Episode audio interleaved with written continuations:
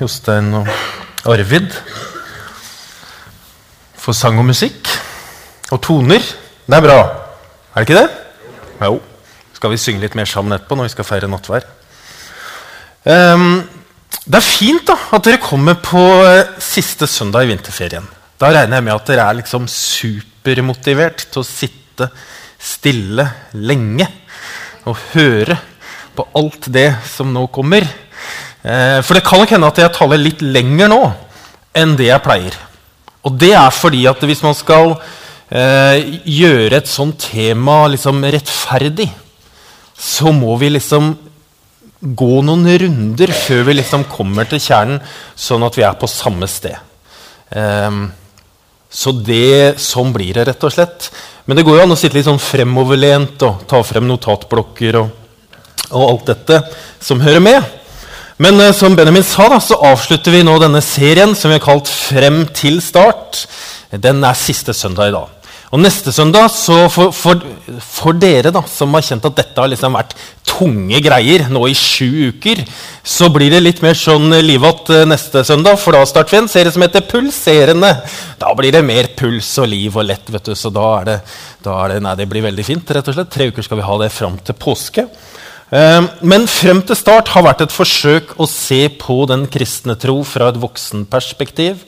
Eh, og det handler om at mange av oss, meg selv inkludert, er oppvokst i et kristent hjem og begynte å tro på Jesus når vi var barn. Og når vi var barn, så fikk vi jo svar på troens spørsmål som barn, som var retta til oss ba nei, som barn. Men når vi blir voksne, så kan de svarene vi fikk da, bli litt utfordrende eh, i forhold til voksenlivets utfordringer og det vi liksom driver og ordner med. For da, da er liksom ikke alt like sånn svart-hvitt lenger. Da er det større fargeskalaer, og det er mer nyanser. og det det er bredde, og, og det er liksom Ja, det er større nyanser. Eh, og det at det er større nyanser, det gjør jo også at disse temaene som vi snakker om, det vi har valgt ut, også det jeg skal snakke om i dag, det er det lov å være uenig i. Det er lov å stille spørsmål til dem. Eh, og det er, det er, veldig viktig, faktisk. Fordi det finnes jo teologiske uenigheter om det aller meste. Og det vi vanligvis sier her i vår menighet, er at vi, vi har samvittighetsfrihet i dåp og nattverdssyn. Så det betyr at man kan legge forskjellige tolkninger og forståelser inn i det. Men så er jo de teologiske forskjellene går jo på mange større felt enn det også. For man kan jo spørre hva var det egentlig som skjedde når Jesus døde på korset. er jo et sånt eksempel. Døde han for mine synder, eller døde han for min skyld? Det er stor forskjell på det. Eller døde han for begge deler?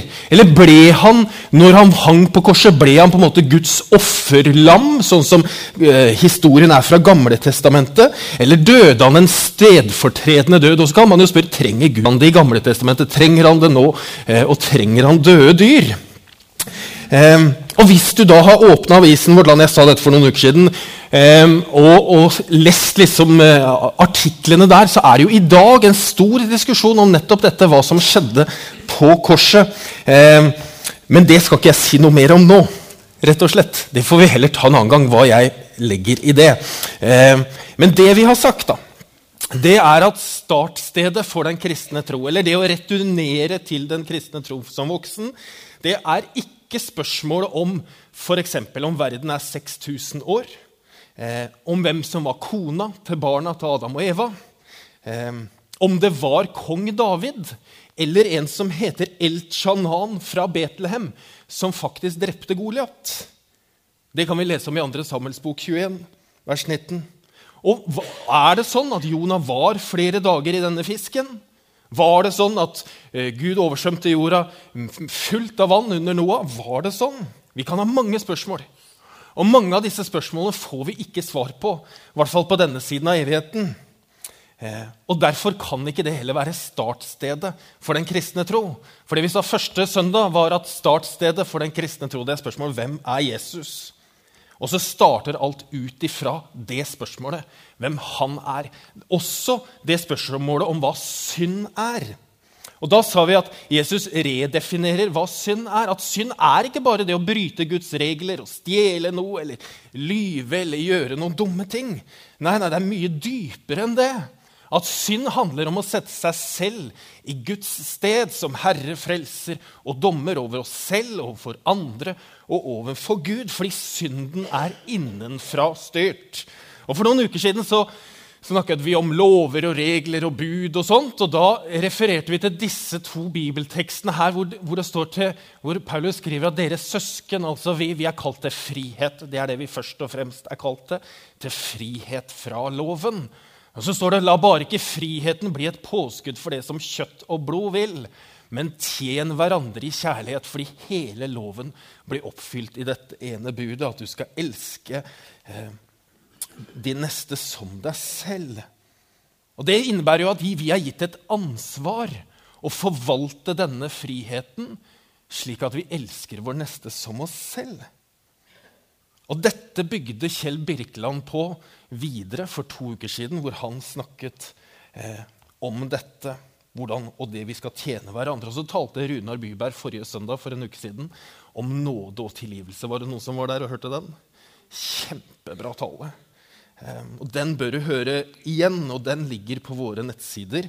Um, tenk at Gud aldri gir oss opp. Uansett hvor langt unna vi er kommet, eller uansett hvilke valg vi har tatt, eller hva vi har dumma oss ut på, så gir Gud oss aldri opp. Han står der med en favn full av nåde og tilgivelse og vil ta oss imot. Alle våre taler ligger da ute på skjenmisjonskirke.no. Der ligger også oppfølgingsark til grupper eller som du kan ha hjemme. Og så ligger det da på vår podkast. Um, og I dag da, så er vi kommet til høydepunktet. Det er jo alltid, vet du, det er jo en parentes egentlig, men hvorfor leser vi bøker? Er det noen som har en idé? Vi leser, Da kan jeg svare på det selv. For vi leser jo bøker for å bli ferdig. Ikke sant? Da kan vi si 'ja, jeg har lest den'. Det er jo hele poenget med å lese en bok. Si, ja, jeg er ferdig. Den har jeg lest. Den var så. Så trenger vi ikke si så mye om hva den inneholdt. så lenge den, ja, vi er ferdig, den var kjempebra. Og det er litt sånn poenget med i dag òg. Nå er vi ferdig. Yes! Er ikke det deilig? Veldig bra. Og dette er jo da høydepunktet, eh, rett og slett. Og jeg har et kjempesvært spørsmål som jeg har sagt, som jeg skal svare, prøve å svare på. Og det er hva mener vi med at Bibelen er Guds ord? Hva mener vi med det? Ja, hva, Hvordan skal vi lese Bibelen, for det første? Hvordan skal vi tolke den? Hvordan skal vi forholde oss til Bibelen i dag? Det er jo Noen som sier at problemet er jo ikke dette. Problemet er jo ikke eh, hvordan vi skal lese Bibelen. Problemet i dag er jo det at folk leser jo ikke Bibelen i det hele tatt. Det er jo det som er problemet. Eh, og underforstått at man vet jo ikke hva som står der likevel. Man, tolker, man tenker hva som står der, og tror og sånt.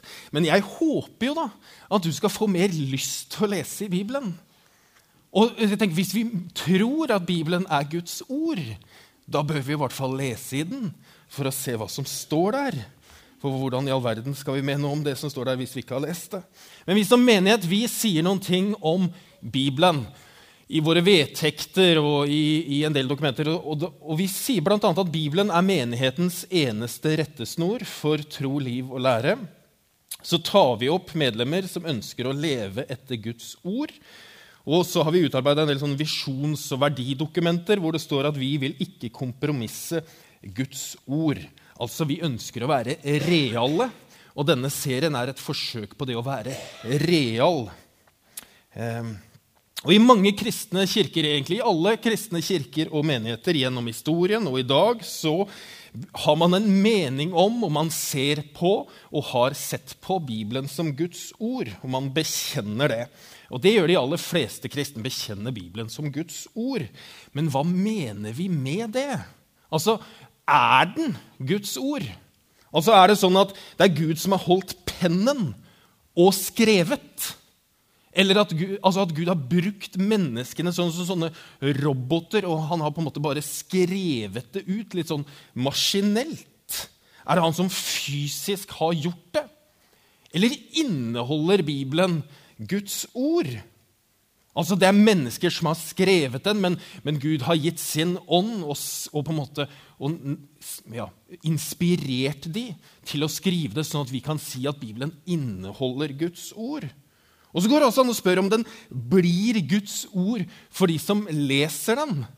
Og det betyr jo det at Hvis man tror at det er Guds ord, og man leser den, så tar man det til seg som Guds ord. At dette er Guds ord. Og det må jo også bety at det går an å lese Bibelen uten å tro at det er Guds ord, at, som en hvilken som helst annen bok.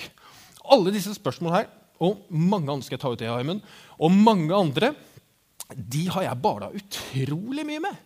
Altså, Dette har jeg strevd skikkelig med, rett og slett på hva mener vi egentlig med dette. Eh, hva innebærer det? Hvordan kan man liksom forstå dette når man tenker rundt det? For dette er ikke enkelt. Som jeg sagt, Som barn er det jo kjempeenkelt. Bibelen sier det, sier jeg til mine barn. Ja, ja, så da er det sånn. ikke sant?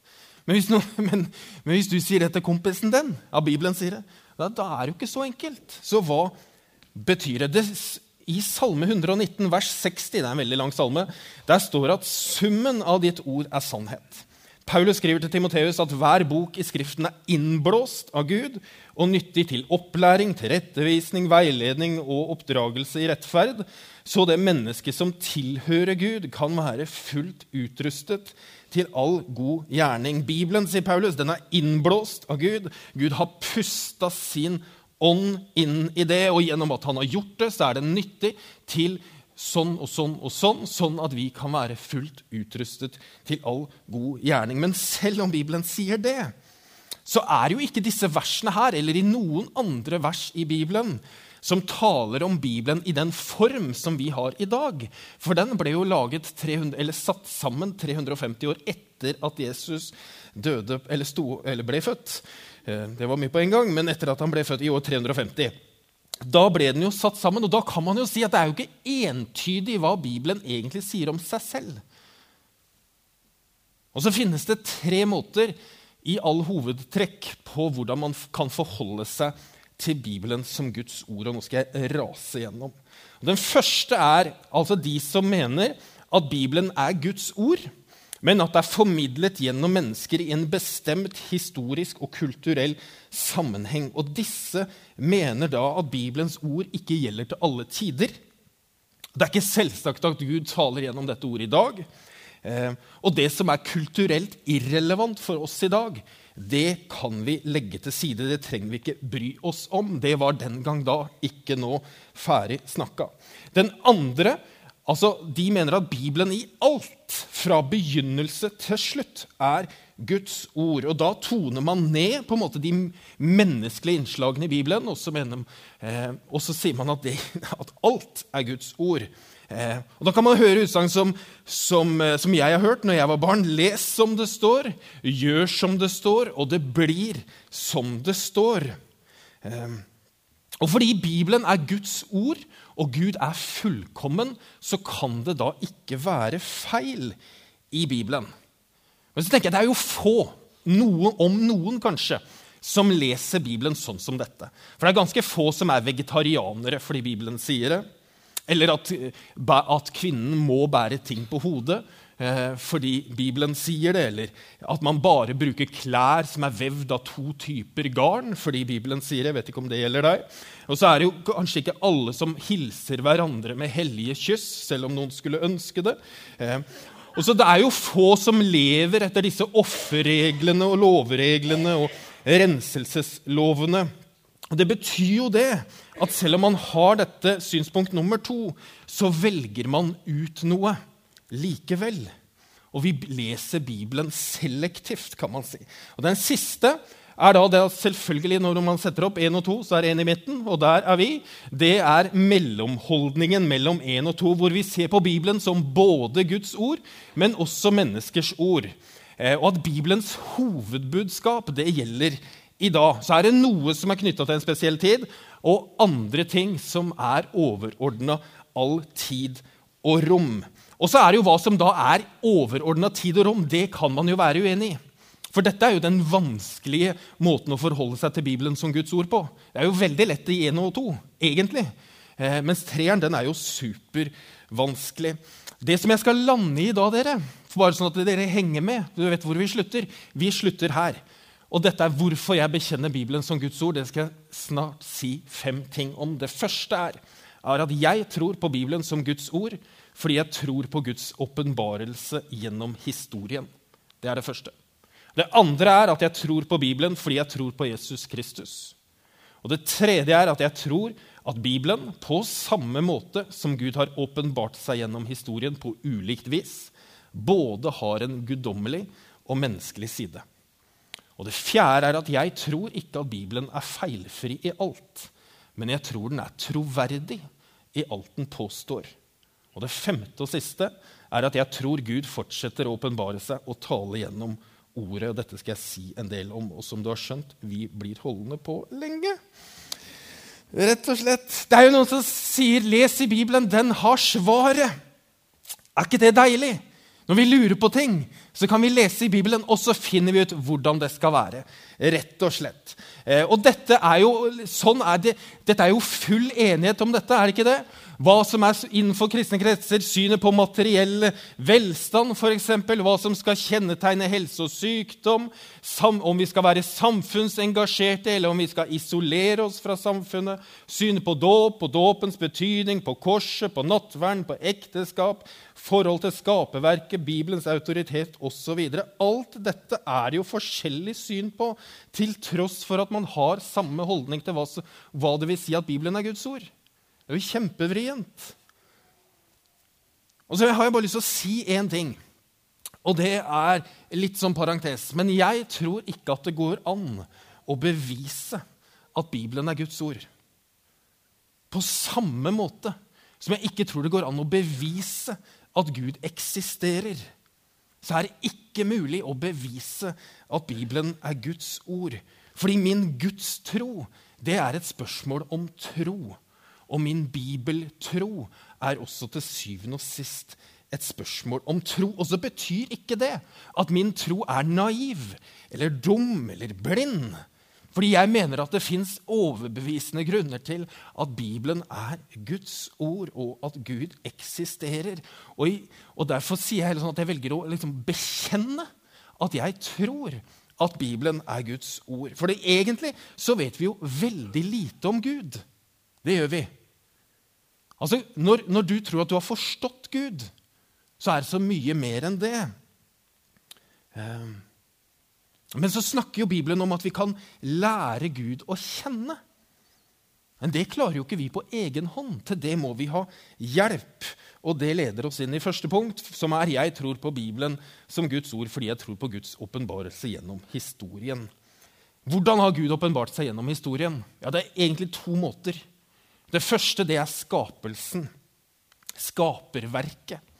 Eh, Jesaja skriver at hele jorden er full av hans herlighet. Og I Salme 19 står det himmelen kunngjør Guds ære, hvelvingen forteller hva hans hender har gjort. Gud åpenbarer seg i skaperverket, og til dere som ikke har fått det med dere enda, så nærmer det seg nå såtid for vi som skal så planter, som vi skal dyrke i drivhusene våre i løpet av våren og sommeren. Og Det er jo et fantastisk vitnesbyrd om at Gud skaper. At han er en skapende Gud. At et sånt lite, knøttlite tomatfrø liksom blir så mye. Det er den første måten som Gud åpenbarer seg på gjennom hans skaperverk. Og det kunne vi sagt masse om, og det skal jeg ikke.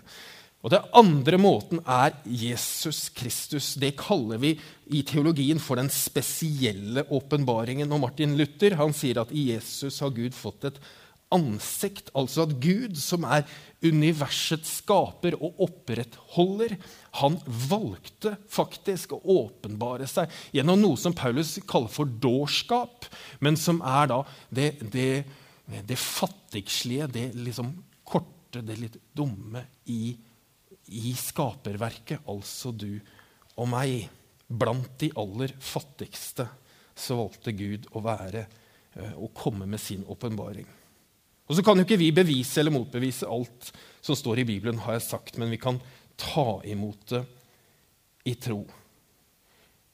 Jeg har lurt på en ting, og det, det, jeg lurer på mye rare ting, men jeg lurer på hvorfor i all verden ble disse tekstene skrevet? Altså, Hvorfor skrev man tekstene? Eh, og Et svar på det er jo at de er jo skrevet eh, i et trosperspektiv. At mennesker skulle komme til tro Det var derfor Matteus skrev, og det er derfor Markus og Lukas og Peter og alle disse gutta skrev. Fordi at mennesker skulle komme til tro. Og da er de skrevet fra et trosperspektiv, ikke fra et historisk vitenskapelig perspektiv. Men de er skrevet fra et trosperspektiv. Og Markus skriver jo om hele formålet med sitt evangelium. Han skriver det i starten. Her begynner evangeliet om Jesus Kristus, Guds sønn. Han skriver ikke her begynner liksom den historisk-vitenskapelige utgreiingen om hvorfor Jesus Kristus er Guds sønn. Han skriver her begynner evangeliet. Det er derfor jeg skriver. Og Johannes skriver, men disse er skrevet ned for at dere skal tro. Det er derfor jeg skriver. Og for at dere ved troen skal ha liv. Det er en tydelig hensikt at de skal vise oss troen på Jesus Kristus. Mitt andre punkt er da at jeg tror på Bibelen fordi jeg tror på Jesus Kristus. Og Det er tilbake til det første spørsmålet at alt handler om hvem Jesus er. Han er sentrum i den kristne tro. Paulus skriver at hvis du med din munn bekjenner at Jesus er Herre, og ditt hjerte tror at Gud har oppreist ham fra de døde, da skal du bli frelst. Det handler altså om å bekjenne og tro på en relasjon til Jesus Kristus. Og da tror vi ikke på en tekst, dere, men da er det en historie og en fortelling vi tror på. Hva var det Jesus sa om de gamle skriftene? Han sa masse. Men han sa bl.a.: Mennesket lever ikke av brød alene, men av hvert ord som kommer fra Guds munn. Altså Guds ord. Og Det er det samme som står i et femte Mosebok. At det er slik ville han la deg forstå at mennesket ikke lever bare av brød. Mennesket lever av hvert ord som kommer fra Herrens munn. Det sa Jesus. I tillegg så sier Jesus, tro ikke at jeg er kommet for å oppheve loven eller profetene. Jeg er ikke kommet for å oppheve, men å oppfylle. Og så sier han på disse to budene hviler hele loven og profetene.' Jesus sier jo mange ganger at det står skrevet. Og så sier han av og til, 'Men jeg sier dere' Altså, Han forholder seg til Gamle testamentets skrifter, men det, sier, det står skrevet. Men så sier han, 'Men jeg sier dere'. Han tar autoritet over disse skriftene og flytter dem fra loven og til seg selv, som gjør at vi må forholde oss til dem. Men jeg tror på Bibelen fordi jeg tror på Jesus Kristus. Jeg tror ikke på Jesus Kristus fordi jeg tror på Bibelen. Det er motsatt. Jeg tror på Bibelen fordi jeg tror på Jesus Kristus. Og så tror jeg at Bibelen har både en guddommelig og en menneskelig side. Um, så jeg har skrevet, det jo, For det er jo det. Det er mennesker som har skrevet. Det er mennesker som har skrevet historiene, fortellingene, diktene, brevene det er det mennesker som har skrevet. Det er jo fascinerende at Gud, som er skaper av alt, har valgt å bruke mennesker.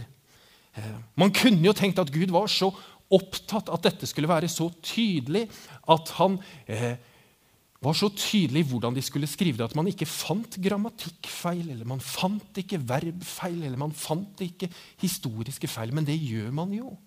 Men det er jo fordi han har valgt å bruke mennesker til å skrive det.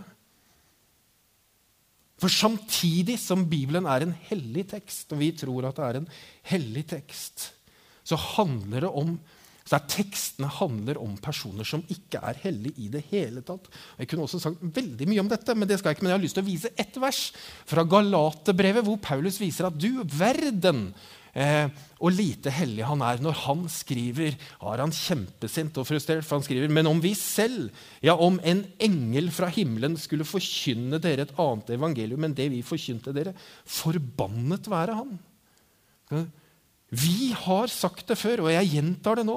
Hvis noen forkynner dere et annet evangelium enn det dere har mottatt, forbannet være han. Jeg tenker, Det er jo sånn, det er jo veldig menneskelig skrevet. Altså Han er superfrustrert og får det fram i dette brevet til galaterne. Jeg tenker at Når de får det, så lytter de i hvert fall. Men det er jo utrolig frigjørende at dette står i den boken som vi tror er Guds ord. Og tenk at Gud gir rom til og med i den boka for livene våre. For hvordan vi har det. Altså At Paulus skriver dette. Så Det er jo et kjempevitnesbyrd om hvor mye rom Gud har for vår menneskelighet. ikke det flott? Yes, det er bra. Det sovner ikke. Ikke alle, i hvert fall. Eh, fjerde punkt er at jeg tror ikke at Bibelen er feilfri i alt, men jeg tror den er troverdig i alt den påstår. Vet ikke om du har hørt det? At noen sier at om Bibelen ikke er feilfri i alt, så kan jeg ikke stole på den. Konsekvens jeg kan ikke stå, tro på Gud. Og Det er jo et utsagn som er liksom basert på logikk. Og Vi er jo veldig glad i logisk tenkning. Én pluss én er to. Og hvis Gud er sann, og Bibelen er Guds ord, så kan den jo ikke inneholde feil. Det er jo helt logisk. Og så lurer jeg på er feilfrihet en forutsetning for deg for å tro på Bibelen som Guds ord? Må det være feilfrihet i Bibelen for at du skal tro at det er Guds ord? Og det er jo masse uløste problemer i Nytestamentet spesielt. Om kronologi er sagt, at det er grammatikkfeil, det er verbfeil osv. Men det er jo faktisk noe i historikken i noe av det vi leser til hver eneste jul, som det er eh, kronologiske litt sånn, så Når Lukas skriver dette er ikke Når man går liksom historisk til verks, så tenker man ja, hvordan er dette egentlig? Og det er utfordrende. Og så kan man jo også spørre om Jesus starter sin tjeneste med å kaste eh, disse røverne i teltet som tok inn masse penger eh, i tempelet. Om han starta med det, eller om han slutta med det. Det er jo to versjoner. da. Hvordan henger dette sammen? Er det noe som er feil? noe som er... Men det er veldig rart. Men så er spørsmålet da Kan du leve med dette? Innebærer det for at du skal tro på Bibelen som Guds ord, at du for enhver pris må finne en forklaring eller løsning på alle utfordringene du møter? Er det mulig å liksom forholde seg til at dette ligger innenfor det som man kan kalle for øyenvitneskildringer? At det er noen som har skrevet det med en annen hensikt enn at det skulle være historisk korrekt til enhver tid? Hensikten var jo kjempeklar. Det var evangeliet som skulle frem. Det er en, heter, en, en, teolog som heter John Stott. Han bruker begrepet troverdig. Og med troverdig så kan vi tenke er det pålitelig? Og så finnes det et dokument som, som heter Lausanne-deklarasjonen. Noe som de aller fleste kristne i verden samles om. Og det reviderte man etter ca. 30 år, og da skrev i den nyeste så står det dette. Hele Bibelen lærer oss alt som hører til Guds plan. Det som Gud vil at vi skal vite. Vi underordner oss Bibelen som sann og pålitelig alt den påstår, fordi den er Guds ord som aldri lyver. Den er tydelig og tilrekkelig for å åpenbare frelsens vei. Og den utgjør selve grunnen for å utforske og for å forstå alle aspekter av Guds sannhet. Vi underordner oss Bibelen som sann og pålitelig i alt den påstår. En annen teolog som heter Herman Ridderbos, han skriver at Gud taler ikke til oss gjennom Skriften for å gjøre oss til vitenskapsmenn, men for å gjøre oss til kristne. Utfordringen for mange av oss er jo det at vi trenger, eller vi har et behov for overbevisning og sikkerhet i dette logiske. Det må være sikkert. Vi må bli overbevist. Og da må vi også være sikre på vår tro. Og da kan jo alt det som oppfattes som tvil og usikkerhet, være en trussel mot det. Men risikoen da, for noen av oss, er jo det at vi strever så etter Bibelens troverdighet i alle ting, og at vi da blir så eh, påståelige i våre påstander eh, som gjør at vi fjerner oss fra det som faktisk reelt er mulig å påstå ut fra Bibelen. Siste punkt. Jeg tror Dette er jo det spennende. Hvis jeg hadde kjent at dette før var grusomt kjedelig, så er dette fint. altså. Jeg tror at Gud fortsetter å åpenbare seg og tale gjennom ordet.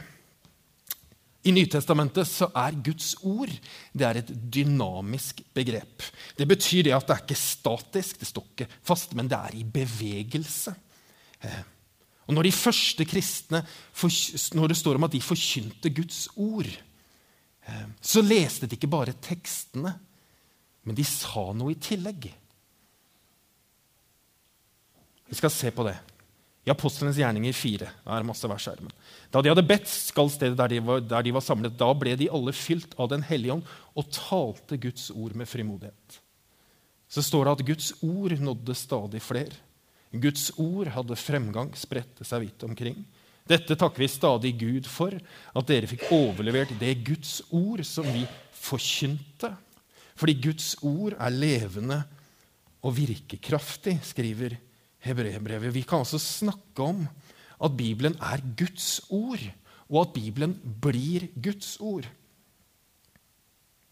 Karl Barth, som er en kjent teolog, han sier at Bibelen er Guds ord på den måten som Gud lar det bli hans ord.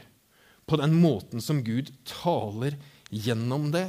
Og det handler om at Bibelen er en hendelse og ikke en sak.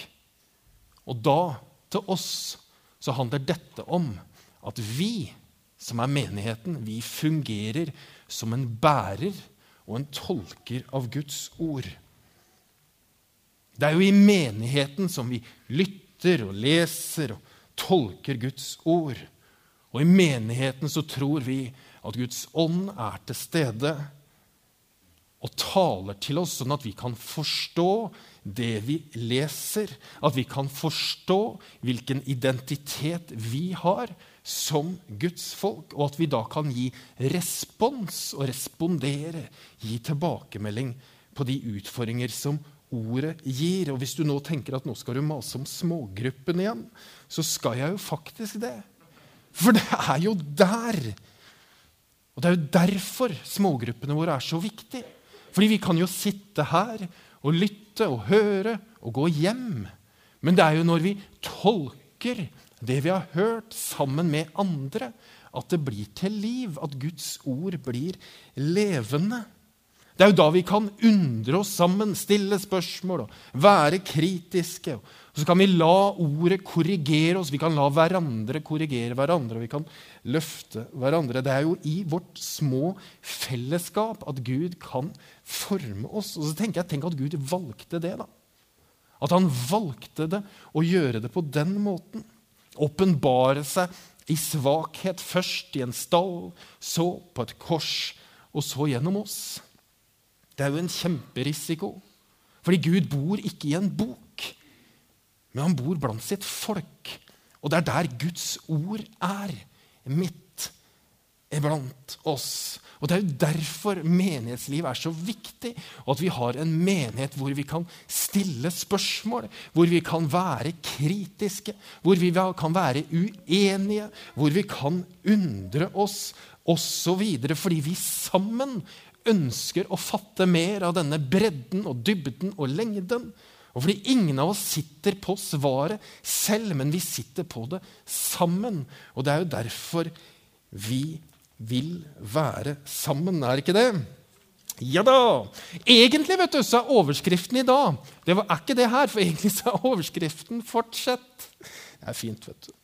Jeg har bytta. Egentlig så er det det som er overskriften 'fortsett'.